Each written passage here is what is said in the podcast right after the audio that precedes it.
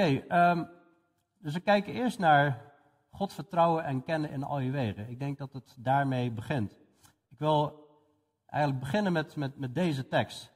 Het is voor heel veel christenen is dit een, is een bekende tekst. En toch, hij, hij werd afgelopen woensdagavond, toen wij hier bezig waren Gods woord te overdenken, haalde iemand hem aan. En op een of andere manier kwam die weer heel fris. Hè, kwam, die, kwam die binnen bij mij. Alsof, ja, soms heb je een tekst die ken je, maar hoor je hem weer, weer alsof je hem voor de eerste keer hoort. Dus ik zou ja, willen vragen, als je deze tekst kent, om, om toch even proberen, voor zover dat gaat, maar om, om er nog eens naar te kijken, alsof je hem voor het eerst hoort, deze tekst. Er staat, vertrouw op de Heer met heel je hart en steun op je eigen inzicht niet. Ken hem in al je wegen, dan zal hij je paden recht maken. Er staat nogal wat, hè? Dus aan de ene kant denk je, oh, hé, hey, dat is mooi. Hij gaat mijn paden recht maken. Oh, dan gaat hij iets uh, moois doen, hè? Maar er staat wel, vertrouw op de Heer met heel je hart. En op eigen inzichten moet je niet steunen. Dit, ik, ik, ik, denk als je de, de Bijbel leest van voor tot achter, wat ik geregeld doe, is dit echt de, de, de kernopdracht wat de Heer eigenlijk vraagt van de, van de mensen. Niet alleen voor christenen, maar van de hele mensheid, eh, aan de hele mensheid vraagt God dit eigenlijk. Om God te vertrouwen met je hele hart. En op eigen inzichten niet steunen. En dat, dat, dat heeft een lading natuurlijk. want dat betekent dat mijn beeld over hoe ik dingen zie in de wereld, mijn beeld over hoe ik dingen zie uh, in mijn leven. Ik wil heel vaak dingen doen op mijn manier, zeg maar. Laat dat nou eens los. En doe de dingen nou eens op Gods manier. En, en ken Hem, dat betekent betrek Hem in al je wegen. Dan zal Hij je paad recht maken. Al je wegen, dat is gewoon van, hoe ga ik ochtends opstaan? Wat doe ik als eerste? Ik ga tot God in, in gebed. Ik open zijn woord. Want ik wil de dag beginnen met Hem. Dat is Hem kennen in je dag. Maar vandaag denken we na over het huwelijk. Hem kennen in je relatie. Hem kennen in andere relaties. Hem kennen in je werk. Betrek Hem in je werk en doe de dingen op Zijn manier. Dat is eigenlijk wat de Heer vraagt. Aan ieder mens. Maar dat roept bij mij ook een vraag op waar ik wel mee geworsteld heb in het verleden. Kan ik God wel vertrouwen? Als God van mij vraagt, vertrouw op mij met heel je hart, dan wil ik wel weten, is God wel te vertrouwen? Nou, die vraag heb ik veel over nagedacht. En het begint met de vraag van, ja, waar vinden we iets over God? Waar vinden we hè, hoe, hoe God zichzelf omschrijft? En dat is hier in zijn woord. We hebben hier de Bijbel voor ons. En hier openbaart God zich door heel veel profeten. De Bijbel bestaat uit 66 boeken. Niet één boek, maar 66 boeken. Die zijn verzameld. En voordat Jezus kwam waren er 30 profeten. Die hebben eigenlijk geschreven. Dat is het Oude Testament. En dan heb je het Nieuwe Testament. Dus door om en nabij 10 man geschreven. Dus heb je 40 man en die, en die schrijven. En die, en die hebben niet zomaar even verhaaltjes opgeschreven. Die hebben de boodschap van God doorgegeven. En die hebben voorspellingen gedaan. In het verleden, die koning, daar gaat dit mee gebeuren, want hij luistert niet naar God, tenzij hij zich bekeert. Maar als hij zich niet bekeert, dan zal hij vallen. En die koning viel, omdat hij zich niet bekeerde. En zo keer op keer heeft God laten zien dat zijn profeten betrouwbaar zijn. Zo betrouwbaar dat er zijn ontzettend veel profetieën gedaan over Jezus, voorspellingen gedaan over Jezus en die zijn uitgekomen in zijn leven. Er zijn tientallen hele duidelijke. En sommigen zeggen wel dat er tot 300 profetieën zijn gegeven in het Oude Testament en die zijn vervuld in het leven van Jezus. Dat is een kans van 0,000 dat dat toevallig gebeurt. En dan ergens een keer in één. Dat is leiding van God. Daarin laat God zien, ik ben betrouwbaar. Wat ik zeg gaat gebeuren. Toen God zei in het begin, er zij licht, toen was er licht. Als God iets zegt, dan gaat het gebeuren. Maar de mens is ook ongehoorzaam geweest. je hoeft niet ver, ver te lezen in, in, de Bijbel, dan kom je bij Genesis 6. Genesis 6. Dan zegt God, ik ga de aarde overstromen met water. En de aarde is overstroomd met water. Er kwam een oordeel van God over de, over de aarde. Maar God zei ook, ik, ga, ik heb een plan, ik ga iemand sturen en die gaat de zonde oplossen, en het zondeprobleem oplossen van de hele wereld. En dat heeft hij ook gedaan. En dan zie je dat God betrouwbaar is. De profeten hebben gesproken over een periode van 1500 jaar. En uiteindelijk kwam de Zoon van God. God zelf in het lichaam van de mens. En hij liep over water, hij genas zieken, hij wekte doden op, hij dreef demonen uit. Ja, hij, hij, hij, hij, hij vermenigvuldigde broden, bestrafte stormen. Ik weet niet of hij al zei, maar in ieder geval, allerlei wonderen heeft hij gedaan. En hij liet zien dat hij macht had over leven en dood. In die mate dat hij zelfs zelf is opgestaan uit de dood. En daarna meer dan 500 man verschenen. Nou, dat is door vier man is dat hier opgeschreven in de evangelie. En nog vier man bevestigd in het Nieuwe Testament. Dus dit boek is betrouwbaar. We vinden duizenden, duizenden kopieën. Oude kopieën, manuscripten noemen ze dat. En je ziet dat God betrouwbaar is. Hij heeft ook gezegd, als je in mij gelooft, dan zul je Gods geest in je binnenste ontvangen. En dat gebeurt ook wanneer je in Hem gelooft. Dan mag je dat ervaren. Dus kan ik God vertrouwen? Dan ga ik eerst naar de Bijbel. Ja, daar zie ik dat God te vertrouwen is. Maar Gods wijsheid is ook te zien in de natuur. Als wij kijken naar de natuur, als je door een dierentuin loopt of een mooie natuurfilm kijkt, het is zo onzagwekkend bijzonder, zo indrukwekkend. Er zit ontwerp in. Als je kijkt hier naar die, wat is het, een luipaard of tijger? Ik ben er niet zo goed in de onderscheid. Tijger, denk ik. Ja? Nou, heel mooi dier. Kijk eens naar de symmetrie. Kijk eens hoe dat in elkaar zit. Kijk eens heel goed. En dan zie je een ontwerp. Dit is geordend. Dit is systematisch opgebouwd. Dit is niet chaos. Hè? Iets wat. Nou, stel er ontploft hier een bom, dan heb je chaos. Hè? Maar iets wat zo in elkaar komt te zitten, dat kan niet anders dan dat iemand dat ontworpen heeft. Met die symmetrie en alles.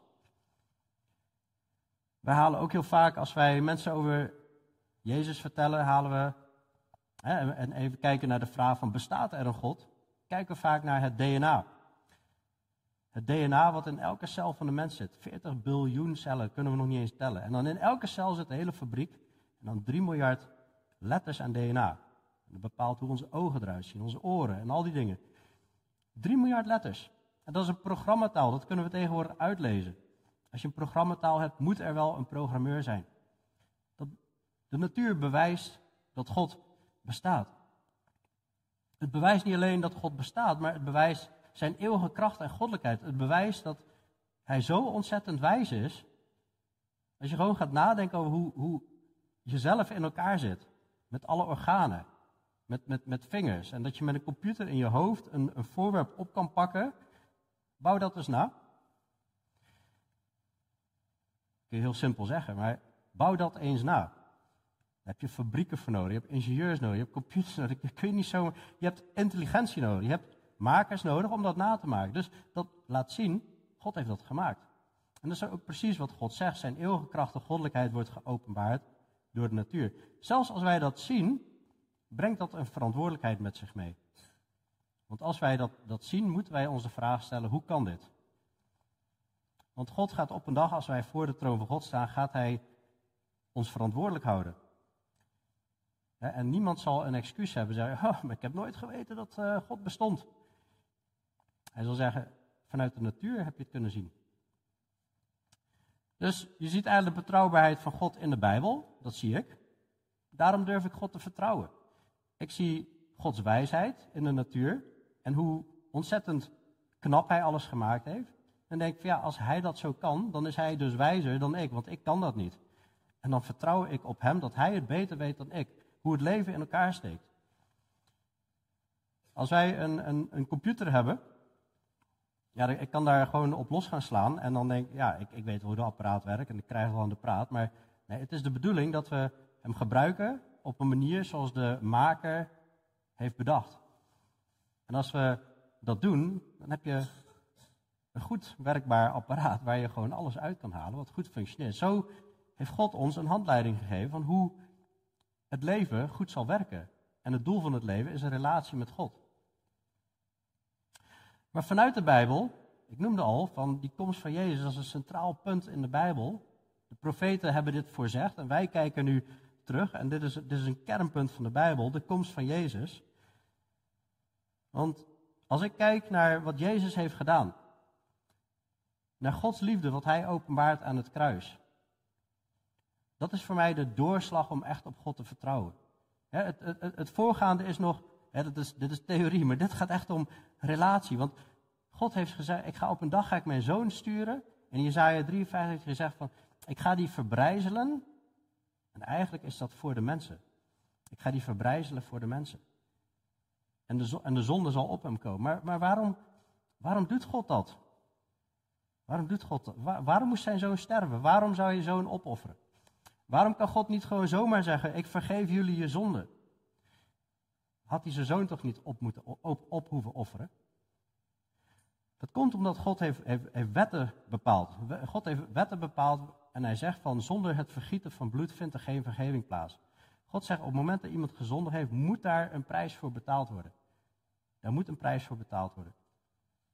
God is een heilig God, hij is volmaakt, zuiver, puur. Dat betekent dat als wij straks voor de troon van God staan, we sterven in het lichaam. Stel je zou vandaag sterven, dan kom je voor de troon van God, je ziel, en dan is er aan de ene kant het paradijs, aan de andere kant is er een poel van vuur. Dat is wat de Bijbel heel duidelijk zegt. Nou, we hebben het nou over het huwelijk. Waarom zou je het daarover hebben? Maar het is belangrijk om te beseffen waarom we doen wat we doen. Omdat God heilig, volmaakt en puur is, kan alleen maar iemand die volledig volmaakt is in de hemel komen. Dus als, als, als, als, als jij je zet en je bent helemaal volmaakt, dan zou je zo de hemel in mogen komen. Dat is alleen één probleem. God heeft een, een testmiddel gegeven om te zien van, zijn wij volmaakt? En dat zijn de tien geboden. Die laten ons zien of wij volmaakt zijn of niet. Zoals we wel eens hebben gelogen. Stel jezelf de vraag, maar heb je wel eens gelogen? Of heb je wel eens iets gestolen? Of heb je wel eens Gods naam verkeerd gebruikt? Oh my God, Jezus Christus of GVD. Of met lust naar iemand gekeken die begeert in je hart, iemand met wie je niet getrouwd bent, dan pleeg je al overspel. Dat noemt God zonde. Dit noemt hij het kwaad. Wij, wij vergelijken onszelf vaak met, met, met, met de rest van de wereld en dan valt het allemaal wel mee. En ben ik niet heel slecht ten opzichte van de rest en dat is ten opzichte van de wereld. Maar ten opzichte van de standaard van God, dan zullen we falen. En God is rechtvaardig, dus hij zal de zonde oordelen. Dus ieder mens is eigenlijk schuldig, moet geoordeeld worden. Nou, dat is eigenlijk slecht nieuws, maar de boodschap van Jezus heet goed nieuws. En het goede nieuws is dat God helemaal niet wil dat we verloren gaan. Hij wil dat we eeuwig leven hebben, dat we gered worden, dat we een relatie hebben met Hem. En daarom heeft God zijn zoon gestuurd, Jezus. Dus er is honderden jaren al over voorzegd, die gaat komen om het zondeprobleem op te lossen. En wij kijken nu terug. En dan zien we Gods liefde aan het kruis en, dan, en de missie van Jezus om te sterven aan het kruis, om die zonde te gaan dragen. Zodat ieder die in hem gelooft niet verloren zal gaan, maar eeuwig leven heeft. En zo lief heeft God de wereld gehad, dat hij zijn zoon heeft opgeofferd voor ons. Dus dat is geweldig nieuws. Als je je vertrouwen dan stelt op de Heer met heel je hart en je vertrouwt God dat Hij jouw zonde op zich wil nemen, je gelooft dat, je vertrouwt dat met heel je hart. Je steunt op eigen inzichten niet en je, je stopt met zeggen van, ja, maar ik weet niet of mijn zonden wel echt vergeven zijn. Ja, ik weet niet of dit waar is. Ja, ik, hè, of wat dan ook.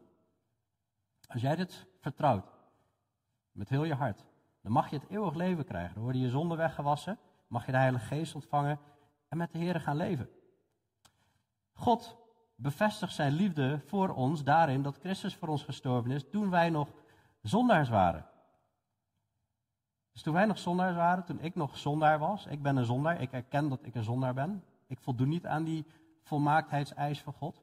En God zegt geen enkel mens. Maar voordat hè, God bevestigt zijn liefde voor ons, hè, dat, dat Christus voor ons gestorven toen wij nog zondaar waren. Toen wij in de zonde leven, heeft God al een oplossing bedacht, zodat wij van de zonde af kunnen komen. En dat is geweldig nieuws. En als ik dit zie, wat God heeft gedaan, dan denk ik, wauw, wat een ongelofelijke liefde. Wat een ongelofelijke liefde. Deze God, geloof ik dat hij te vertrouwen, te vertrouwen is. Dat hij zelf zijn enige geboren zoon heeft opgeofferd voor jou en mij. Dat is geweldig nieuws. Maar je moet het wel geloven. Je moet er wel op vertrouwen en, en stoppen met steunen op je eigen inzicht. En dan je, je bekeren, hè, je kennen in al je wegen, dan zal hij je paden recht maken. Maar het geloof in hem geeft eeuwig leven. Werken ga je niet redden. Het geloof in Jezus geeft eeuwig leven. Dus daar begint het mee. Daarom zijn wij hier. Wij, wij, wij willen vertrouwen op de Heer. Ik vertrouw op de Heer met heel mijn hart. En dat blijft een worsteling, want ik zit met mijn eigen vlees, ik zit met mijn eigen gedachten. En die moet ik steeds toetsen aan Gods woord en zeggen: hé, hey, dit is waar of dit is niet waar. En als God zegt: het zit zo, en ik, en ik denk: oh, volgens mij zit het zo, en God zegt: het zit zo, dan moet ik mijn denken aanpassen en niet God. Dan moeten we niet de Bijbel verdraaien, maar dan moet ik mijn gedachten aanpassen aan Gods gedachten. En daar is de zegen op. Dat is in relatie met God wandelen. Dan zal je blijdschap volkomen zijn. En dan gaan we dus verder met die relatie met God. Dan vertrouwen we op de Heer met heel ons hart. En we steunen op eigen inzicht niet. En dan gaan we Hem kennen. We gaan Hem leren kennen, betrekken in al onze wegen. En dan gaat Hij onze paden recht maken. En dat houdt eigenlijk dit in. Hier begint het mee. In de Romeinenbrief legt Paulus eigenlijk het hele verhaal uitgebreid uit. Wat ik net eigenlijk verteld heb. Over hoe je gered wordt. Dat alle mensen zondaars zijn. En dan komt hij tot dit punt. Nu je dit allemaal beseft, dan roep ik u ertoe op, broeders, door de ontfermingen van God. Als je kijkt, wauw, wat God gedaan heeft. Om uw lichamen aan God te wijden als een levend offer. Heilig en voor God welbehagelijk. Dat is uw redelijke godsdienst. En wordt niet aan deze wereld gelijkvormig, maar wordt veranderd door de vernieuwing van je gezindheid, van je denken, om te kunnen onderscheiden wat de goede, welbehagelijk en volmaakte wil van God is. Dus eigenlijk continu ons denken aanpassen niet steunen op eigen inzichten, steeds ons denken aanpassen aan het denken van God. Zodat we mogen leven op een manier zoals God het bedoeld heeft. Zodat we tot ons doel komen met ons leven. Dat is in relatie met God leven. En dan moet je trots voor aan de kant zetten. Dan moet je hoogmoed voor aan de kant zetten. Ik ben zelf een heel trots, eigenwijs, halstarrig iemand. Ik buig mijn nek niet graag voor een ander. Maar ik ben erachter gekomen door het op die manier te doen, loop ik helemaal vast in mijn leven. Maar als ik het op Gods manier doe, dan rust er een zegen op en is er blijdschap van binnen. Omstandigheden kunnen moeilijk zijn, maar die rust en vrede blijft. Dus dit is eigenlijk wat de Heer vraagt. Ja, en dan kom je op het punt van, hé, hey, wat vraagt de Heer nou als het gaat over relatie man-vrouw? Nou en daarom zijn we hier om daarbij stil te staan, ook hè, bij Giovanni en Lestari, die gekozen hebben, wij willen een, een, een huwelijk ingaan. Wij willen een huwelijk sluiten, dat hebben ze al gedaan. En wij willen dat zegenen. En dat is een, een plan van God. God heeft dat gegeven. Maar het is wel goed om te begrijpen van waar komen we vandaan? Waarom doen we wat we doen? Dus vandaar even die inleiding. Als je de Bijbel opent en je leest in het allereerste hoofdstuk, dan zie je dat God begint, dat de Bijbel met, in het begin schiep God de hemel en de aarde. En de aarde nu was woest en leeg en, en, nou, enzovoort. En dan gaat God gaat die aarde helemaal vullen met zijn schepping. En op de zesde dag schiep God de mens naar zijn beeld. Naar het beeld van God schiep hij hem mannelijk en vrouwelijk schiep hij hen. Dit was op de zesde dag. En dan ziet God alles wat hij gemaakt heeft, planten en dieren en zo. En God zag al wat hij gemaakt had en zie, het was zeer goed. Toen was het avond geweest en het was morgen geweest, de zesde dag. God zag dat het zeer goed was. Elke dag zei hij, en het was goed. Maar op de dag dat God de mens schiep en, en, en het was compleet, zei God, het was zeer goed. Hier was de zonde nog niet ontstaan. Mensen leefden nog in harmonie met God. Adam en Eva leefden in harmonie met God. Tot de zonde kwam. Toen kwam er dood, toen kwam er ziekte, toen kwam er ellende, toen kwam er opstandigheid. Maar het huwelijk is iets wat zeer goed is. Het huwelijk is er nog steeds, misschien nog niet in die, in die volmaakte vorm zoals toen, maar God is wel, wanneer je in Hem gaat geloven, wanneer je gaat vertrouwen op Hem, bezig met ons te vormen, eigenlijk weer naar dat volmaakte beeld. Door de kracht van de Heilige Geest van binnenuit en door Zijn woord te onderzoeken. En Jezus zelf, toen Hij op aarde was, heeft hij ook over gesproken. En dan gaat hij eigenlijk weer terug naar Genesis. En dan onderwijst hij de mensen, hebt u niet gelezen dat hij, die de mens gemaakt heeft, hen vanaf het begin af mannelijk en vrouwelijk gemaakt heeft? Dit is wat God gedaan heeft. Mensen maken er van alles en nog wat van, maar dit is wat God gedaan heeft. En hij heeft gezegd, daarom zal een man zijn vader en moeder verlaten en zich aan zijn vrouw hechten. En die twee zullen tot één vlees zijn, zodat zij niet meer twee, maar één vlees zijn. Dus wat God samengevoegd heeft, laat de mens dat niet scheiden. Dus hier, citeert Jezus eigenlijk hè, hoe in het allerbegin, in de schepping, het huwelijk is ingesteld. En later krijgen we er veel meer woorden over, veel meer detail. Maar God wil dus eigenlijk dat een, een, een man zijn vader en moeder verlaat en op een gegeven moment aan een vrouw hecht en die twee zullen tot één vlees zijn. Nou, er zijn wel uitzonderingen. Paulus spreekt ook over uitzondering dat ja, voor sommigen uh, overwegen om alleen te blijven, want dan kun je, heb je meer tijd om de Heer te dienen. Maar in basis heeft God het zo gemaakt. Zodat ze niet meer twee zijn, maar één vlees. En ik, ik heb iets meegenomen. Dit is een uh, cadeautje voor uh, Giovanni en uh. Ik ben aan het klussen geweest. En het lijkt misschien vanaf hier één hart. Maar als je hier kijkt, het zijn er twee. Het zijn twee harten. En die zitten op elkaar. En er staat op, dit heeft mijn, mijn dochter Nevia heel mooi gemaakt. Dat leert ze dan bij diverse zusters uit de gemeente die dan met hen gaan knutselen. Maar niet meer twee, maar samen één. Ik heb daar een, eh, een lijmlaag tussen zitten. Dat is bisonkit. maar dat is echt een hele, hele sterke kit. dus ik, ik heb dat ooit gebruikt op een, een, voorwerp wat ik op de muur moest maken. En toen is een van mijn kinderen eraan gaan hangen. En toen scheurde het niet op de lijnlaag, maar het scheurde, het trok een heel stuk uit de muur.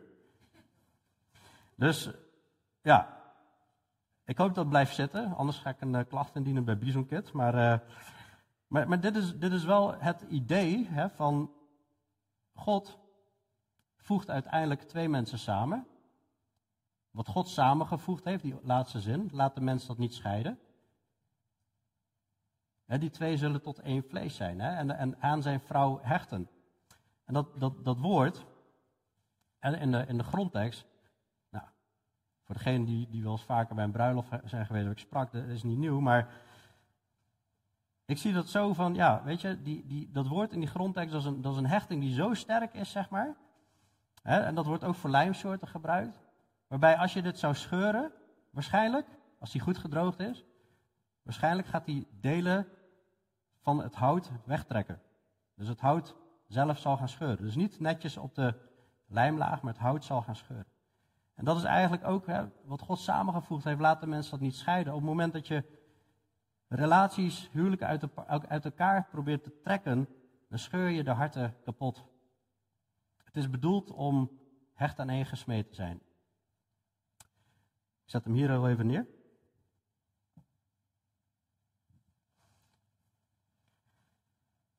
Dat hechten, dat is meer dan alleen maar het fysieke deel. Als je het voor het eerst leest, denk je, oh ja, het gaat over het fysieke, hè? want het gaat over het vlees, Zoals een vrouw hecht en die zullen tot één vlees zijn, zodat ze niet meer twee zijn, maar één vlees. Maar als je de Bijbel gaat bestuderen over dit onderwerp, over het huwelijk, dan is natuurlijk veel meer dan alleen maar het vlees. Samen gemeenschap hebben, zeg maar. Het hechten samen is, is, is, is, is een geest. God wil dat we ook geestelijk samen hechten. Dat we de relatie als geestelijk zien en God erbij betrekken. En de wil hebben om zijn wil te doen. Dat je die mindset hebt. En dan word je in je denken word je ook steeds meer één. Als het goed is, zijn jullie al meer één dan de eerste dag dat je elkaar ontmoet hebt. en daar waar het schuurt, daar waar het bots, ja, daar ga je weer. Nou, ik ben, ik ben 20 jaar getrouwd. Ja, dat blijft een proces, maar we zijn al meer één in denken dan het eerste jaar. Emotioneel. Dat is, dat is nou, we hebben het hier over een hart. Het is liefde, het is gevoel komt erbij kijken. En uiteindelijk ook het lichamelijke. In de wereld lijkt het lichamelijke vaak voorop te gaan. God heeft dat bedoeld echt voor in een huwelijk. Want hoe reerders en overspelers zal God oordelen, zegt Hebreeën 13, vers 4. Daar moeten we gewoon duidelijk in zijn. God ziet dat echt als zondig. Maar het huwelijk is eerbaar, is onbevlekt, het is iets prachtigs wat God heeft gegeven. Nou, waarom trouwen? God heeft meerdere redenen gegeven waarom te trouwen.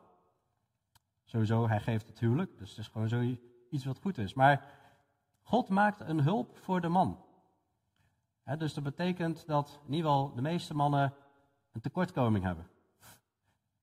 Ze hebben hulp nodig. He, dus niet bedoeld als de vrouw is een hulpje in de keuken. Zou op momenten kunnen. Maar Het is een aanvulling. Het is iets wat God heeft gemaakt, zodat twee één worden en dan elkaar aanvullen. God heeft ook gezegd, wees vruchtbaar en word talrijk, vervul de aarde. Als mensen dat niet hadden gedaan, dan zaten we hier niet met z'n allen. dus er zijn mensen die hebben daar gehoor aan gegeven, bewust of onbewust. De Bijbel zegt ook, laat vanwege allerlei vormen van hoererij iedere man zijn eigen vrouw hebben en iedere vrouw haar eigen man. Waarbij alleen blijven ook een optie is in het, in het hoofdstuk, maar God heeft het huwelijk gegeven als iets heiligs. en, en, en dat is de plek waar nou, intimiteit mag plaatsvinden. Nou, de wereld is met allerlei andere dingen bezig, maar daarom heeft God onder andere het huwelijk gegeven. Het is een plek voor liefde, intimiteit en het gezinsleven. En daar lees je meer over. Hè, ook over hoe je met kinderen omgaat. En, die kunnen natuurlijk daaruit voortkomen. Hè, niet meer, niet meer, niet, niet, meer eh, twee, maar één. En vanuit daar kunnen dus ook weer kinderen komen. Waarbij de Bijbel leert dat de man is het hoofd van het gezin. De, de, de man is het hoofd van de vrouw. En de vrouw is de man onderdanig. Iets wat echt totaal niet meer in onze cultuur past. En toch geloof ik, ik heb het zelf ervaren, in het begin hebben wij het op onze eigen manier geprobeerd met de Bijbel dicht een paar jaar en het werkte echt gewoon voor geen meter. En ik heb andere mensen gezien, die noemden zich christenen, die dat ook probeerden en de ene na de andere ging scheiden. Maar als we het op Gods manier doen, en, en we doen het op een liefdevolle manier, want in dat hoofdstuk Efeze 5, en er wordt ook tot drie keer opgeroepen, mannen, heb uw vrouwen lief. Mannen, u moet uw vrouwen lief hebben, tot drie keer toe. Kijk, ik krijg wel iemand met de zweep van langs. maar de vrouw, ik was nog niet klaar, hè? de vrouw moet ook de man onderdanig zijn. maar dat is een liefdevolle verstandhouding. Want als je kijkt in 1 Petrus 3, er staat weer dat de mannen met begrip met hun vrouw samen moeten wonen. Die de zwakkere zijn. Wij zouden fysiek kunnen, zouden wij zo gemiddeld genomen een vrouw zo kunnen overmeesteren. Maar er staat erbij, Woon met begrip met je vrouw samen, opdat je gebeden niet verhinderd worden. Dus op het moment dat mannen niet respectvol zijn met een vrouw en denken, ik zal wel eens even de dominantie laten zien, ja dan, sorry, maar dan heb je een probleem met God. Want God staat aan de kant van de vrouw. Gaat de hemel dicht voor je gebed. Dat staat er gewoon. Lees hem maar na, 1 Peter 3, volgens mij vers 7, vers 8. Dat is echt een liefdevolle verstandhouding. En dan werkt het. Het is namelijk ook nog een plaatje van iets.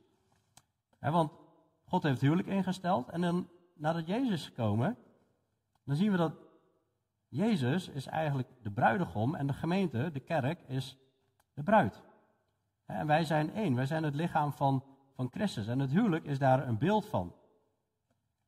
Dus wij weerspiegelen, als, als je een, een, een Bijbels huwelijk hebt, dan weerspiegel je eigenlijk het beeld van Christus en de gemeente. En dat is ook niet gek dat, dat Satan dat nooit net echt volop kapot wil maken. Dat zien we in de wereld. Dat huwelijken gaan massaal kapot. Want Satan wil elk beeld wat God gemaakt heeft, wil hij kapot maken. En daar is hij best succesvol in. Maar als wij in Christus zijn en steeds vertrouwen op de Heer met heel ons hart en op eigen inzichten niet steunen, vertrouwen op die liefde van de Heer, vertrouwen op die wijsheid van Hem, dan zul je een gezegend huwelijk hebben. Ik wil niet zeggen dat het altijd makkelijk is, maar elke keer kom je er weer uit. Ja, wat zijn dan elementen van een gezegend huwelijk? Ik heb een paar punten genoemd en dan kom ik tot het einde van de preek. Het begint dus met God vertrouwen in al je wegen. Vertrouw op de Heer met heel je hart en steun op eigen inzicht niet. Ken hem in al je wegen, dan zal hij je paden recht maken. Dus dat, is een vraag die God aan ieder mens stelt. Niet alleen aan mensen die christenen zijn, maar die aan God aan ieder mens stelt. Vertrouw jij op mij met heel je hart?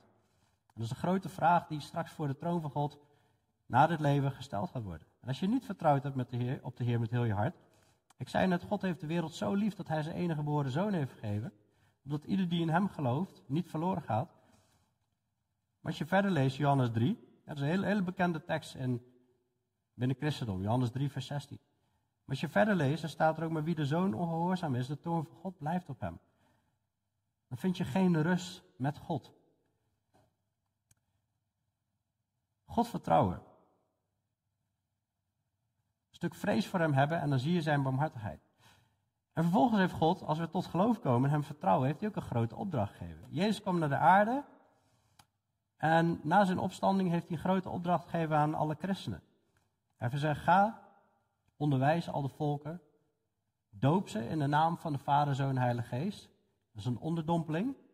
Identificeer je eigenlijk met, met Christus in de begrafenis. Doop ze in de naam van de Vader, Zoon Heilige Geest. En leer ze vervolgens onderhouden alles wat ik u geboden heb. Dus eigenlijk een, een levenslang proces leren, wat heeft Jezus nou geboden? En Jezus zei, wie mij geboden heeft en ze bewaart, die is het die mij lief heeft. En Jezus zegt, dan zul je ook volkomen blijdschap vinden. wanneer jij, dat is een verhaal van een wijnstok, dan zegt Jezus, ik ben de ware wijnstok, jullie zijn de ranken. Als je in hem blijft, hoe doe je dat? Dat legt hij uit. Door in zijn liefde te blijven. Hoe doe je dat? Door in zijn woorden te blijven. Hoe doe je dat? Door zijn geboden in acht te nemen. Dan zal je blijdschap volkomen zijn. En die geboden in acht te nemen, hè, dat heeft niks met je redding te maken, dat is dat vertrouwen en geloven. Als je volgens zijn wil doen, dan zal je blijdschap volkomen zijn. Ook als omstandigheden moeilijk zijn. Mijn vrouw en ik hebben ook allemaal battles meegemaakt. We hebben meegemaakt dat geliefde overleden, of een geliefde is overleden. Dan heb je het moeilijk en tegelijkertijd heb je die blijdschap van de Heer in je.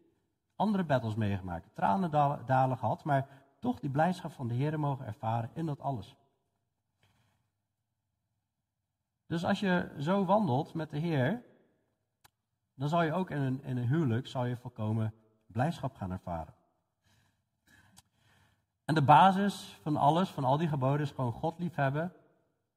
Hè, met heel je hart, ziel, kracht en verstand. En je naaste als jezelf. Dat is eigenlijk wat God vraagt. Maar wel op de manier zoals hij het omschrijft. En de wereld spreekt ook over liefde. Alleen de definitie van liefde in de wereld is wel iets anders dan de definitie die God geeft. Dus we moeten wel heel goed kijken van, wat is de definitie van Gods liefde? Nou, in het huwelijk is je vrouw of is je man is je naaste.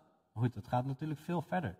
In relaties op je werk, relaties in de gemeente. Gewoon met heel je hart erop te richten om gewoon liefdevol persoon te zijn. Dat is heel moeilijk. Ik heb vannacht heb ik slecht geslapen. Ik voelde me niet zo fit. Ja, dan word je ochtends zagrijnig wakker. Maar dan heb ik, ja, heb ik echt de Heer nodig om een vriendelijk persoon te zijn. En niet zagrijnig te zijn. God geeft ons elke keer die kracht. En als het misgaat, dan mogen we om vergeving vragen aan God. Onze zonde en beleiden en is God rechtvaardig trouw dat hij de zonde vergeeft. Dus ja, het huwelijk, het is een zegen van God. Alles wat God geeft is een zegen. Eten, kleren, drinken. Maar het huwelijk is een zegen van God. Dus wij hebben naar gekeken. Het begint met God vertrouwen en kennen in al je wegen. Dat is hoe we hier gekomen zijn. Omdat we God willen vertrouwen op zijn woord, dat zijn weg het beste is. Daarom zijn zij gaan trouwen. En meerdere mensen. En dat willen we ook gaan, gaan zegenen. Gaan zegenen dat, wat we als laatste punt hebben, hebben, hebben gezegd, dat, dat God Giovanni en Lester daar ook in mag helpen. Hè, om in die wegen te wandelen. Hem te kennen in al, dat ze de Heer mogen kennen in al hun wegen. Dat ze met die grote opdracht bezig mogen zijn. Dat ze de heren en, en, en anderen mogen liefhebben als hunzelf. Ik zal eerst nog bidden voor het einde van de preek en dan uh, vragen we zo uh, Giovanni Lesteri uh, naar voren. Hemelse Vader, Heer Jezus, dank u wel voor wie u bent. Dank u wel dat u laat zien in uw woord dat u een betrouwbaar God bent. Dank u wel dat u ja, door de schepping laat zien dat, dat u betrouwbaar bent, dat u zo ongelooflijk onzagwekkend wijs bent. Heer, daar uh, kan geen menselijke wijsheid tegenop. En daarom bid ik zo, Heer, dat uh, ieder zich mag onderwerpen aan dit, dit, ja, dit onmetelijke gezag wat u hebt. Dat u de, hemel en aarde, het universum hebt geschapen. En dat we mogen inzien dat er eigenlijk maar één weg is die gezond is. En dat is te onderwerpen aan u. En dat u dan uw goedheid over, over ons wil uitgieten, Heer. En dat bid ik u voor ons allen, van de gemeente, maar ook gewoon voor wie misschien niet bekend zijn met de kerk, niet bekend zijn met de Bijbel, Heer. Dat, dat ieder ja, die keus zou mogen maken. Om in die liefde van de Schepper te mogen wandelen. Heer, en uh, ja, ik vraag zo, wilt u ons dicht bij u houden? Wilt u ons helpen om elke dag Te leven in dat vertrouwen op u. Niet op eigen inzichten te steunen. U te kennen in al onze wegen en uh, ja, wilt u dan onze paden recht maken zoals u belooft. Dank u wel dat u een goed God bent. Heer, dank u wel dat u ons waarschuwt en ons laat zien wat uh, de weg van wijsheid is, de weg van waarheid en de weg van liefde. Dat u geven dat we als gemeente ook mogen groeien in de genade, groeien in de liefde, meer en meer, door naar elkaar om te zien. Heer, en uh, ook in de huwelijken wilt u dat ook ja, krachtig zegenen, Heer. En uh, geven dat daar ook uw liefde steeds meer openbaar mag zijn. Bid ook voor wie alleen zijn, Heer, wilt u ook uh, met hen zijn. Als u ergens een uh, huwelijkspartner op het oog hebt, Heer, wilt u dat uh, ook zo leiden, Heer, door de geest. Heer, dat, alles vragen we zo. Allemaal uit genade. Niet omdat wij ook maar iets verdienen. In Jezus' naam. Amen.